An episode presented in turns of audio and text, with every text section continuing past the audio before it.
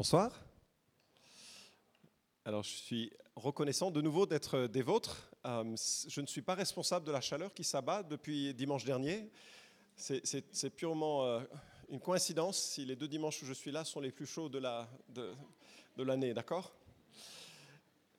Et, euh, et c'est intéressant que vous ayez choisi de, de faire ce livre de l'Ecclésiaste. Et pour moi, c'est un, de mes, ça a été une de mes séries favorites, donc je suis particulièrement reconnaissant de, la réaborder avec vous et puis de terminer euh, ce soir sur, euh, sur, ce, sur ce thème.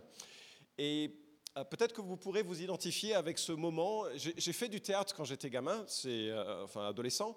C'est un théâtre municipal à Villefranche-sur-Saône et, et, si vous avez vécu le genre de, pression que cela, crée, c'est particulier ce, moment où on travaille pendant euh, des, jours, souvent des nuits, parce que c'est après l'école et tout ça. Donc c'est de longues soirées, beaucoup de stress, beaucoup de, difficultés, parfois des conflits entre les metteurs en scène, les, euh, acteurs. Et puis, euh, et puis enfin, c'est la première, il y a toute, la tension qui est là, qui monte. Et puis c'est la tombée de rideau, et puis tout se...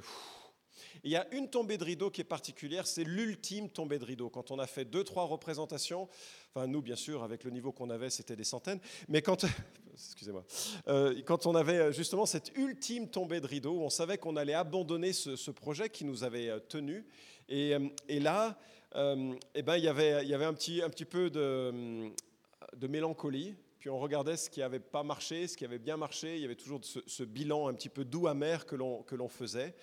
Et bien sûr, euh, ce qui nous attend à tous, c'est une ultime tombée de rideau. C'est-à-dire que le jour vient où nous allons pour de vrai ne plus revivre le lendemain. Je dois être plus précis, c'est le jour vient où nous allons mourir en fait. Et, ça, c'est très éclairant vis-à-vis de la vie. Il y a un film, euh, je me souviens plus s'il faut le recommander ou pas, parce qu'il y a peut-être des scènes qui sont choquantes, je ne me souviens plus, donc je vous laisserai euh, vraiment avoir euh, le discernement là-dessus. Mais il y a un film qui, met en, scène deux personnages qui sont certains de mourir dans les six prochains mois, et ils décident de vivre les ultimes expériences qu'ils ont toujours rêvé de vivre avant de mourir, sans plus attendre. Carter Chambers, c'est un mécanicien, Edward Cole, un richissime directeur d'hôpitaux. Il se retrouve dans la même chambre d'hôpital. Il ne reste que six mois à vivre, un an tout au plus. Carter décide d'écrire une liste où il note tout ce qu'il aimerait faire avant sa mort. Et pour lui, sa liste n'a rien de sérieux, mais Edward tombe dessus et le convainc de partir réaliser ses rêves. Et voilà, les deux compères partir, faire les choses les plus folles. Et ça, ça montre un peu euh, comment la plupart d'entre ceux qui nous côtoient envisagent la vie il faut s'assurer qu'on mette une sorte de check à un certain nombre d'expériences et voilà la réussite de notre existence. Vraiment? Est-ce que c'est cela, la vie S'assurer de vivre des choses et puis quand on les a vécues, ah, ça y est, j'y suis arrivé. Et à la fin, ben, on meurt, mais au moins on meurt en ayant réalisé euh, un saut en parachute, ou bien en ayant réalisé un voyage en Patagonie, ou bien je ne sais pas quels pourraient être vos, vos rêves. C'est ça la vie? Baudelaire écrivait Horloge, Dieu sinistre, effrayant, impassible, dont le doigt nous menace et nous dit Souviens-toi. Les vibrantes douleurs dans ton cœur plein d'effroi se planteront bientôt comme dans une cible. Le plaisir vaporeux fuira vers l'horizon, ainsi qu'une sylphide au fond de la coulisse. Chaque instant te dévore un morceau du délice. Souviens-toi que le temps est un joueur avide qui gagne sans tricher à tout coup, c'est la loi. Le jour décroît, la nuit augmente. Souviens-toi, le gouffre a toujours soif, la clepsydre se vide. Tantôt sonnera l'heure où le divin hasard, où l'auguste vertu, ton épouse encore vierge, où le repentir même, la dernière auberge, à chaque homme accordé pour toute sa saison, où tout te dira Meurs, vieux lâche, il est trop tard. Comment on vit quand on sait qu'on va mourir? Comment on vit quand on sait que ça va relativiser toutes les expériences que l'on euh, peut vivre sur cette terre? Eh bien, avec ces bonnes nouvelles, je vous propose trois pistes que nous laisse l'Ecclésiaste dans le dernier et ultime chapitre de ce livre. Alors, c'est vraiment un livre de sagesse, mais un livre de sagesse qui date d'il y a 3000 ans, donc forcément le regard est un petit peu différent de ce que nous pourrions dire, mais les applications sont, je crois, d'une pertinence, et j'imagine vous avez apprécié le sens au milieu du chaos que nous donne euh, euh, cette parole euh, euh, de Salomon. Et donc je vais lire à partir du chapitre 11 et du verset 9, et on va lire jusqu'à la fin euh, du chapitre 12, donc dernier chapitre de ce livre. Jeune homme, réjouis-toi pendant ton adolescence, que ton cœur te rende heureux pendant les jours de ta jeunesse, marche dans, dans les voies de ton cœur et selon les regards de tes yeux, mais sache que pour tout cela, Dieu te fera venir en jugement. Écarte de ton cœur le tracas et éloigne le mal de ton corps car l'adolescence et l'aurore sont vanité.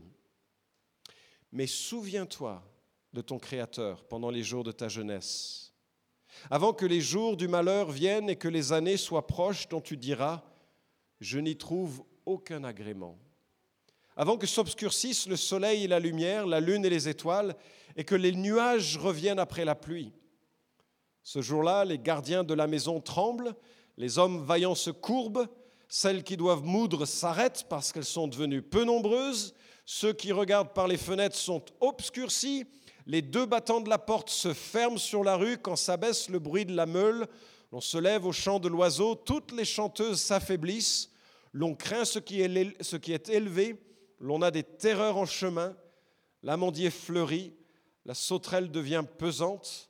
La capre n'a plus d'effet, car l'homme s'en va vers sa demeure éternelle et les demeures circulent dans la rue, et les pleureurs, circulent dans la rue, avant que le cordon d'argent se détache, que le globe d'or se casse, que la jarre se brise sur la source et que la roue se casse sur la citerne, avant que la poussière retourne à la terre comme elle y était, et que l'esprit retourne à Dieu qui l'a donné.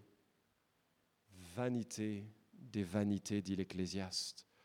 Tout est vanité. Outre que l'Ecclésiaste fut un sage, il a encore enseigné la connaissance au peuple, il a écouté, sondé, mis en ordre un grand nombre de proverbes. L'Ecclésiaste, attaché de trouver des paroles agréables, transcrites exactement, ce sont des paroles véridiques. Les paroles des sages sont comme des aiguillons. Les auteurs de recueils sont comme des clous plantés. C'est le don d'un seul pasteur. Du reste, mon fils, tire-en instruction. On ne finirait point de faire un grand nombre de livres et beaucoup d'études est une fatigue pour le corps. Écoutons la conclusion de tout le discours. Crains Dieu, observe ses commandements, c'est là tout l'homme. Car Dieu fera passer toute œuvre en jugement au sujet de tout ce qui est caché, soit bien, soit mal. C'était la parole de Dieu, avec maintenant quelques remarques que je souhaite vous proposer, qui sont des remarques de sagesse sur comment vivre en anticipant la vieillesse. Pardon.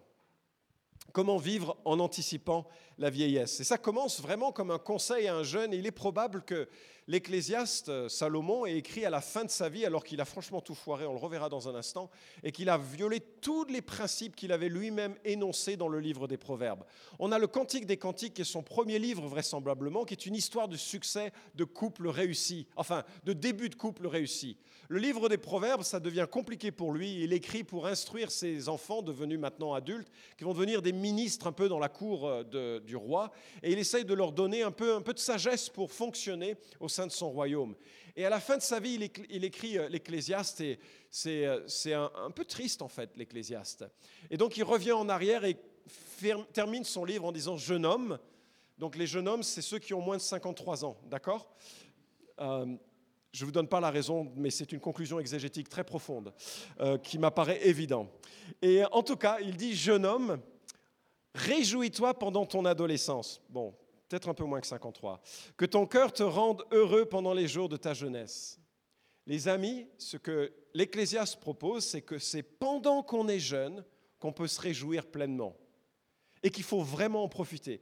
Je ne sais pas pourquoi, mais ça n'a pas fait partie des cours euh, d'études bibliques. Hein. c'est apprendre aux jeunes à se réjouir de la vie. C'est dommage. On devrait avoir ce genre de cours, non? Parce que c'est pendant qu'on est adolescent qu'on peut vraiment profiter de la vie. Jamais plus tu as l'occasion de traîner avec les autres sans te soucier de quelle heure tu rentres. Après, c'est compliqué.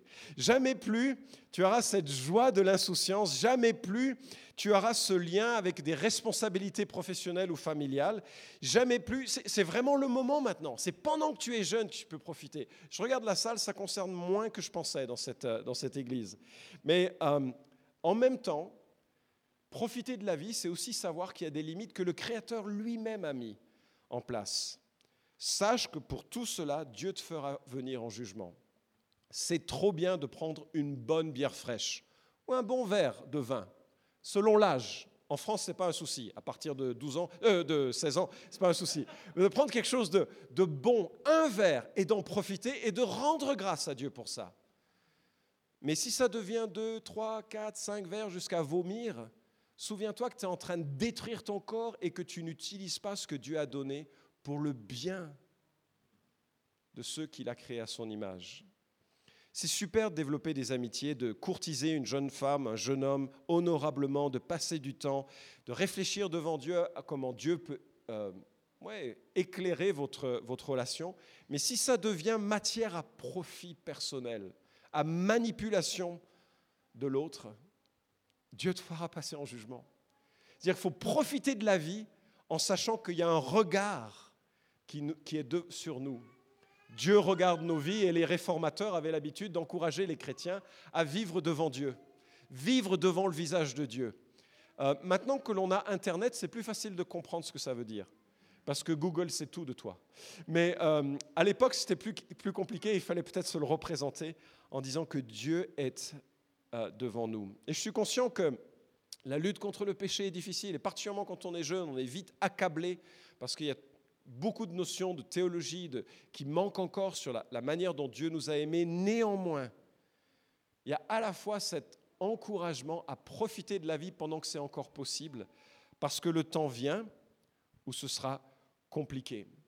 Et c'est vraiment pendant la jeunesse que les engagements les plus forts peuvent être pris. On me dit que 19 personnes sur 20 se convertissent avant l'âge de 15 ans. C'est énorme, non? Donc c'est vraiment dans la jeunesse où à la fois on profite de la vie et aussi on réfléchit à la personne de Dieu.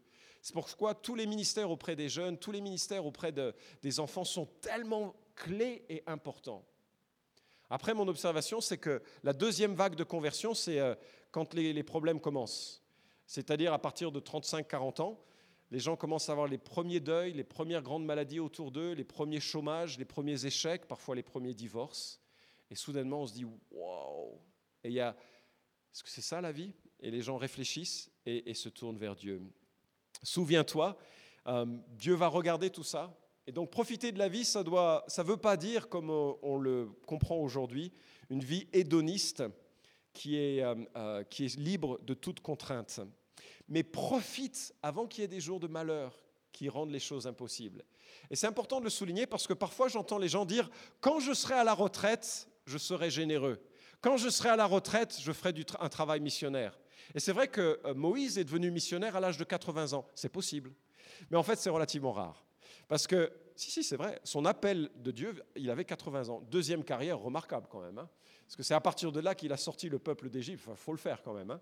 Donc voilà, si vous cherchez une deuxième, vous venez me voir, j'embauche des missionnaires euh, retraités hein, pour, euh, que je n'ai pas besoin de payer. Oh, ça m'intéresse aussi. Euh, mais, mais, mais euh, en tout cas, ce que, euh, ce que je veux souligner ici, c'est qu'avec l'Ecclésiaste, c'est que c'est vraiment pendant le temps de la jeunesse que se construisent les habitudes. On les a vus, on l'a vu là, cela la semaine dernière, parce que vient un temps où ça va être beaucoup plus compliqué. Et le poème qui nous est donné est un petit peu redoutable. Et selon votre âge, vous allez apprécier ou non ce que Salomon dit.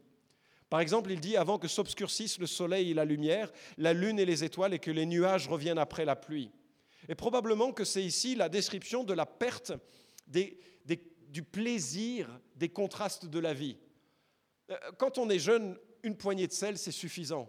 Quand on est vieux, une poignée de sel, pas une pincée, une poignée, c'est insuffisant. On, on perd tous les contrastes de la vie. Ni soleil, ni lune, ni lumière, ni étoile ne marquent le temps avec satisfaction. Et puis dès que la pluie s'arrête, les nuages reviennent. Alors on ne sait pas trop comment comprendre cette expression, soit que les ennuis de santé s'accumulent, soit pour dire qu'il ne faut jamais rester trop loin des toilettes. Parce que euh, dès qu'ils se vident, ils vont encore se remplir et vous vider euh, le nuage. J'ai besoin d'expliquer ou ça va, vous comprenez? Ce jour-là, les gardiens de la maison tremblent, les hommes vaillants se courbent on pense qu'il y a une description des bras qui avant étaient capables de se battre, de se défendre. Et puis là, maintenant, ils sont un petit peu plus branlants. Ils, ils ne sont pas vraiment capables de faire face à l'adversité. Les jambes se courbent. Elles étaient capables de courir, de porter. Mais là, on n'arrive même pas à prendre le Nutella en haut de l'étagère parce qu'il a été caché loin de nous, très haut, loin de toute emprise. Et on perd des centimètres. Celles qui doivent moudre s'arrêtent parce qu'elles sont devenues peu nombreuses. C'est absolument terrible de perdre ses dents, surtout à l'époque. Alors j'imagine que le pire, ça doit être de perdre ses dents et d'en garder que deux, mais une de chaque côté. C'est terrible, parce qu'à ce moment-là, on ne peut plus rien mâcher. Et c'est un peu la situation qu'il nous, euh, évoque ici. D'ailleurs, je trouve euh, assez abusif les soins que nous font porter les, dentistes parce qu'on est sans dents et on mourra sans dents. Je ne vois pas pourquoi il faut les, brosser au milieu parce que de toute façon, enfin bref, j'espère qu'il n'y a pas trop de, de dentistes dans, le coin. On ne voit plus trop clairement, la vue s'assombrit euh, et certains d'entre nous ont commencé à porter des lunettes qui vont devenir de plus en plus épaisses. Et ça va toujours être le problème les deux battantes de la porte se ferment euh, sur la rue quand s'abaisse le bruit de la meule. Les deux battants, on pense que ce sont les lèvres. Et les amis, quand les lèvres se ferment et qu'il n'y a pas de dents, elles ne se ferment pas, elles se claquent l'une contre l'autre. C'est pas très, pas très joli, n'est-ce pas? La, la, vue qui nous est laissée. Il y a un vieux pasteur qui racontait dans un message, non sans humour, que quand il allait se coucher, il était très vieux d'ailleurs lui, hein, euh, il enlevait ses appareils euh, auditifs, il enlevait son dentier, et puis pendant que sa femme mettait des trucs dans les oreilles, enfin, c'était, pas très poétique la vieillesse qu'il, euh, qu'il évoquait.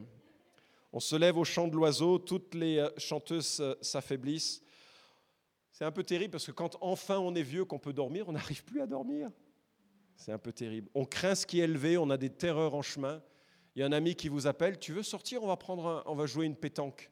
À 18h, mais il fait tard. C'est trop dangereux, on ne sait jamais ce qui va nous arriver en chemin. L'amandier fleurit, probablement une référence à la coloration, ou plutôt la décoloration des cheveux. La sauterelle devient pesante. On ne sait pas trop si c'est une question de savoir porter des fardeaux ou si c'est lié au capre, dont il est dit qu'il n'a pas d'effet. Mais là, ce serait un peu osé comme euh, comparaison. Parce que la capre, dans le Talmud, c'est vu comme un aphrodisiaque. Alors peut-être que la capre n'a plus d'effet, ça pourrait signifier, il n'y a pas d'enfants trop dans la salle, ça pourrait signifier, il est dit que la libido féminine est à son apogée à 30 ans.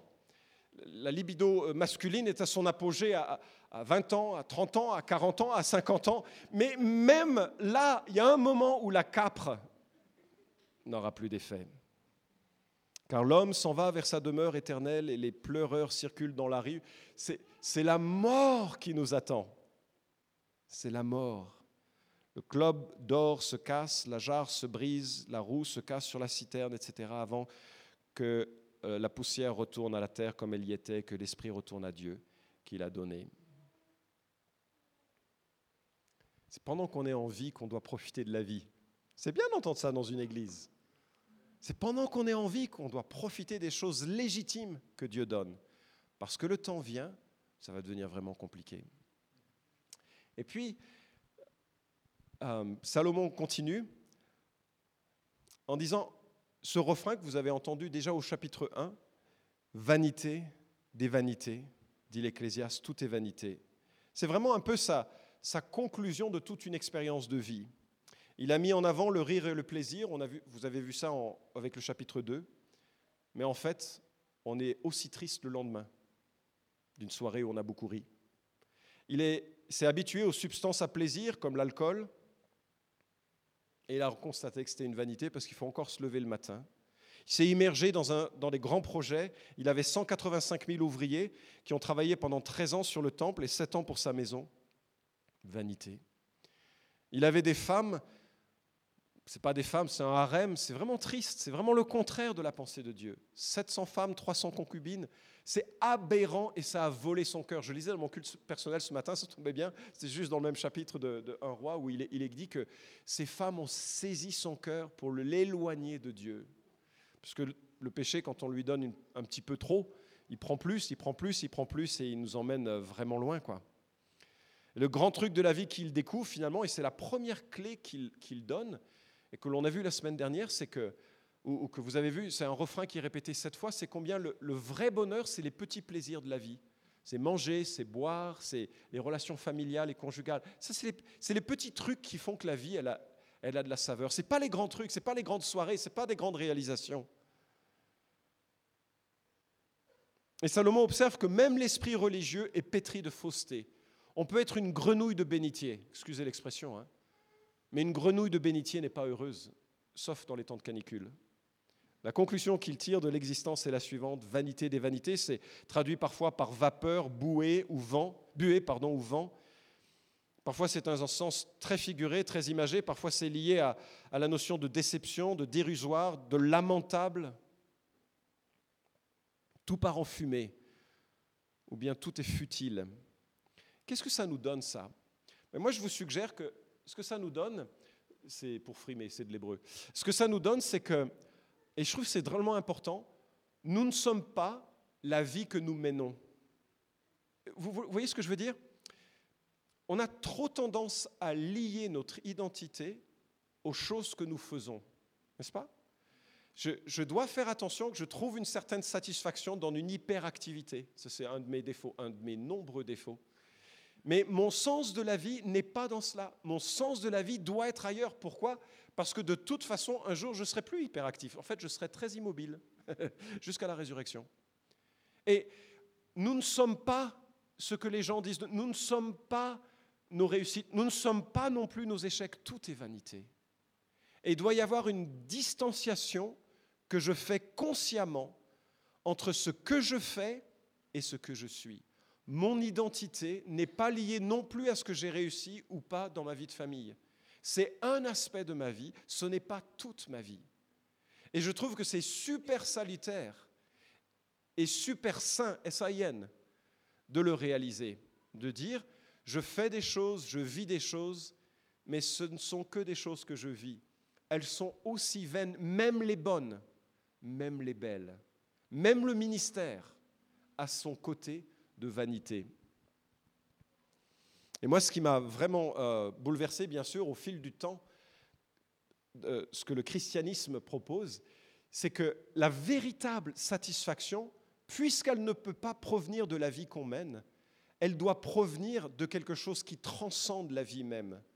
Et ce sera toute la conclusion, et c'est la, la, forte conclusion du livre de l'Ecclésiaste, c'est que de craindre Dieu et d'observer ses commandements, c'est une manière de dire de se convertir et d'aimer Dieu dans, une manière que peut comprendre un croyant de l'Ancien Testament et qui va devenir plus clair avec le Nouveau Testament.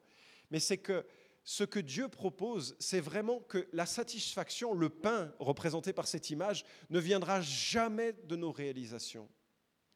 Elle viendra de ce que nos réalisations ou nos privilèges nous amènent à réaliser que ça vient de Dieu toutes les expériences de la vie sont liées à l'évangile.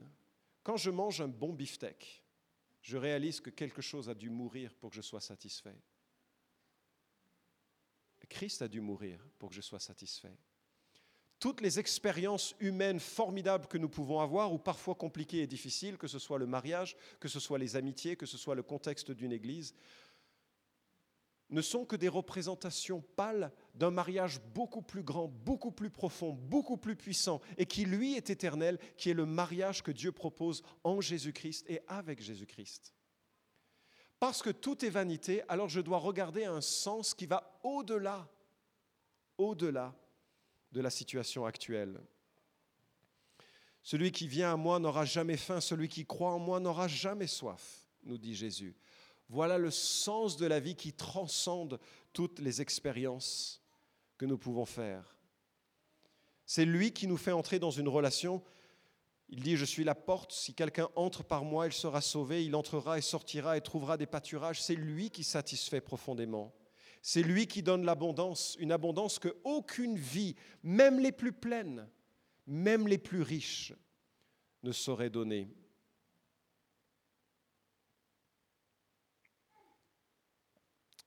J'étais assez bouleversé par un journaliste qui s'est suicidé. Alors les suicides sont malheureusement tellement nombreux, mais euh, euh, Bourdin, ça vous dit quelque chose? C'était un fin gourmet.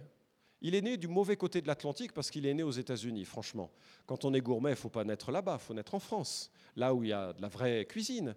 Et en fait, excusez-moi, excusez-moi, mais en fait, il a beaucoup euh, abordé et développé l'art de vivre. Un homme qui aimait la France, qui parlait le français, et il disait la chose suivante, et c'était absolument bouleversant. Il mangeait un mauvais hamburger, et ça lui lançait dans un processus de dépression pendant des semaines.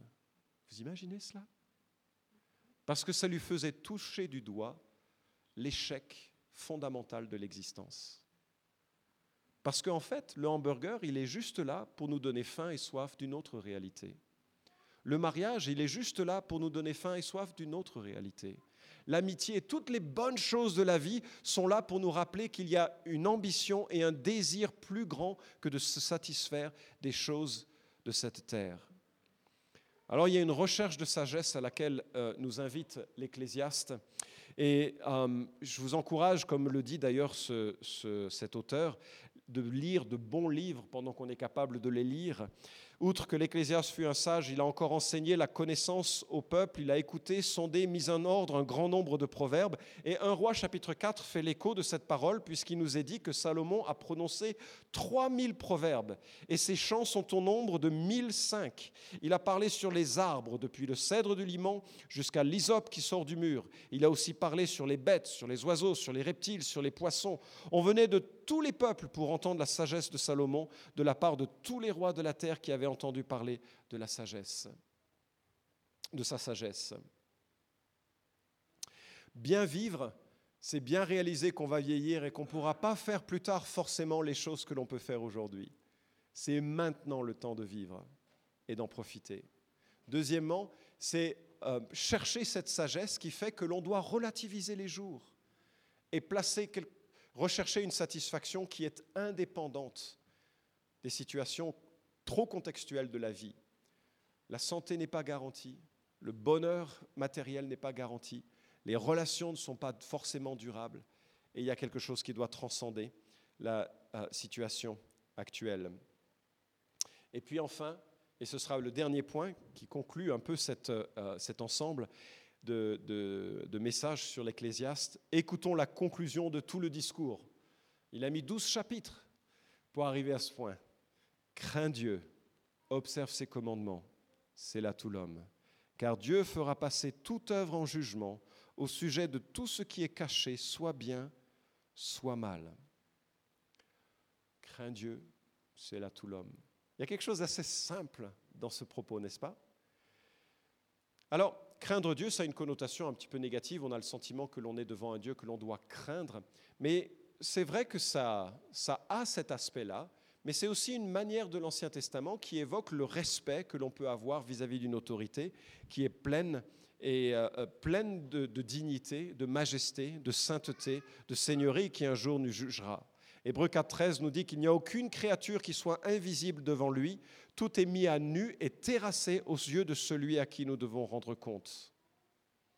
Et Jésus lui-même dit ceci en Matthieu 12, 36, je vous le dis, au jour du jugement, les hommes rendront compte de toute parole vaine qu'ils auront proférée. C'est pas effrayant ça? C'est absolument effrayant, je trouve. C'est absolument effrayant. Nous avons peut-être perdu cette euh, perspective de vivre en craignant Dieu. Peut-être on a besoin de renouveler cette image que nous avons d'un Dieu qui est à la fois Père et parce qu'il est Père est capable de nous reprendre et de nous corriger.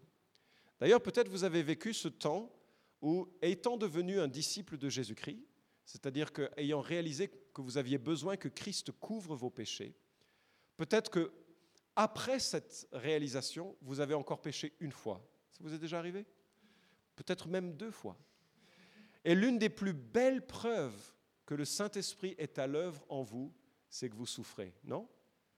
En tout cas, c'est l'expérience que, hélas, je vis euh, trop et, euh, et à ma grande honte. Quand le Saint-Esprit vient mettre sa main pour serrer le cœur et dire Cela ne me plaît pas. Et qui me ramène vers un Dieu dont les pensées sont justes, bonnes et saines et utiles. Et finalement, c'est vraiment un magnifique équilibre qui nous est donné, je trouve, dans le livre de l'Ecclésiaste.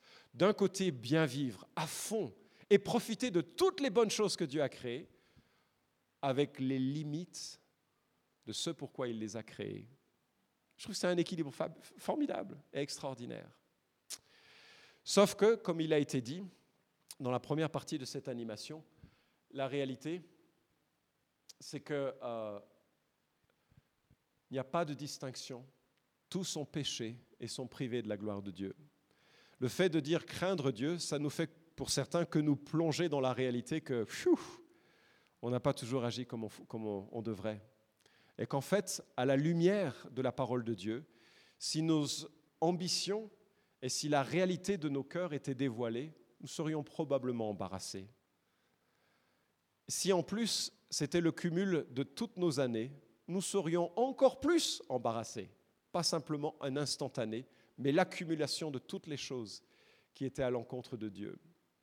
Alors la bonne nouvelle, que l'Ecclésiaste ne s'est pas encore formulé, parce qu'il manque encore toute la révélation progressive qui suit avec la venue des prophètes, avec la venue de Jésus-Christ, avec euh, ce que les apôtres vont attester. C'est que devant ce Dieu qu'il nous faut craindre, on a vraiment la réalisation que, bien voilà, tous nous avons péché, tous nous sommes privés de la gloire de Dieu. Et puis vous connaissez la suite peut-être, qui nous est dit que tous ces gens pécheurs qui auraient aimé pouvoir plaire à Dieu, mais qui ont réalisé qu'ils étaient incapables de le faire, eh bien tout cela, ils sont déclarés justes par sa grâce. C'est un don que Dieu leur a fait ou leur fait par les moyens de la délivrance apportée par Jésus-Christ. Il y a quelque chose d'extraordinaire à laquelle prépare Ecclésiaste. C'est à la fois de nous confronter avec notre insuffisance, de nous confronter avec nos limites, de nous confronter avec notre péché, et cela prépare la croix. Mais à la croix, il y a un accueil qui est suffisant et qui est complet. La première fois que euh, j'ai eu une euh, situation euh, problématique avec ma voiture, je, venais de, je commençais mes études, j'avais une voiture pour me rendre sur place et j'avais pas remarqué qu'il y avait des petits panneaux très sympathiques qui disaient du 1 au 15 stationnement autorisé à droite et du 16 au 31 stationnement. Je ne sais pas qui est-ce qui a inventé ça, c'est une machine à amende remarquable. Et je crois que je suis arrivé le 16, un petit peu en retard pour mes cours, et j'ai pas fait gaffe de quel côté tout le monde était garé à droite. Je me suis garé à droite. Et quand je suis revenu de mes cours, tout le monde était garé à gauche et ma voiture avait disparu des gentils bonhommes en bleu l'avaient prise pour la mettre en sécurité, je suppose, et ils étaient tout prêts à la rendre, moyennant une somme euh, conséquente pour un étudiant. J'étais reconnaissant que mon père avait les moyens de me sortir, enfin de sortir la voiture plutôt, de cet embarras, et il a payé l'amende pour moi. C'est gentil ça. C'est exactement, n'est-ce pas, ce que Jésus-Christ a fait pour nous. Il a payé l'amende pour nous sortir de la fourrière. Privés de la gloire de Dieu, nous étions destinés et voués à une mort éternelle, mais il a payé l'amende pour nous sortir de, cette, de ces ténèbres. Ça, c'est la grâce, ça, c'est la croix auquel prépare, à laquelle prépare euh, l'Ecclésiaste. et en fait, je dirais même, l'idéal serait que j'ai un sosie, non? C'est-à-dire que j'ai quelqu'un qui ressemble à Florent Varac, mais qui s'occupe de, recevoir toutes les conséquences de mes fautes. Ça serait génial. C'est-à-dire chaque fois que je vais trop vite et que j'ai une amende, il paye. Chaque fois que je fais quelque chose d'inapproprié, il paye. Un sosie qui pourrait aller au tribunal à ma place et qui payerait gentiment, gracieusement pour moi. Ce serait formidable, non Je rêve, n'est-ce pas? Mais n'est-ce pas ça le christianisme? Dieu est devenu homme pour nous ressembler. Et l'Ecclésiaste prépare à cette réalité que, en lui, il a absorbé toutes les fautes de notre humanité, toute la mortalité et la faiblesse de nos vies, il les a absorbés en sa personne. Lui a vécu la vie parfaite que Salomon n'a pas réussi à vivre. Lui a vécu la vie parfaite que moi, je n'arrive pas encore aujourd'hui à vivre. Et à la croix, il me représente pleinement pour que, à la croix, la colère du Père, qui voudrait me juger pour l'ensemble des choses que j'ai pu commettre, se détourne de moi à cause de son amour pour moi et tombe sur Jésus-Christ. Ce qui fait que si je peux aujourd'hui lire ce texte, ce n'est pas crains Dieu et obéis, sinon tu seras exclu. Pas du tout. C'est crains Dieu, réalise que tu es perdu et que Christ a répondu à ce problème de perdition et que la chose que Dieu te demande maintenant, c'est de vivre en lui, pour lui, par lui, selon une alliance éternelle dans laquelle tu es sécurisé. Il n'y a pas de crainte de perdre l'adoption que Dieu nous a accordée une fois pour toutes en Jésus-Christ. Mais de là, d'apprendre à vivre selon lui et pour lui, avec cette double réalité, à la fois de profiter de la vie et deuxièmement de réaliser que Dieu nous mènera aussi un jour en jugement, non pas par rapport à une perte de salut, mais par rapport à la récompense qu'attendent ceux et celles qui ont aimé Jésus tout au long de leur existence. J'ai été un petit peu plus long que vous avez l'habitude peut-être, mais je m'arrête ici. On prie un instant?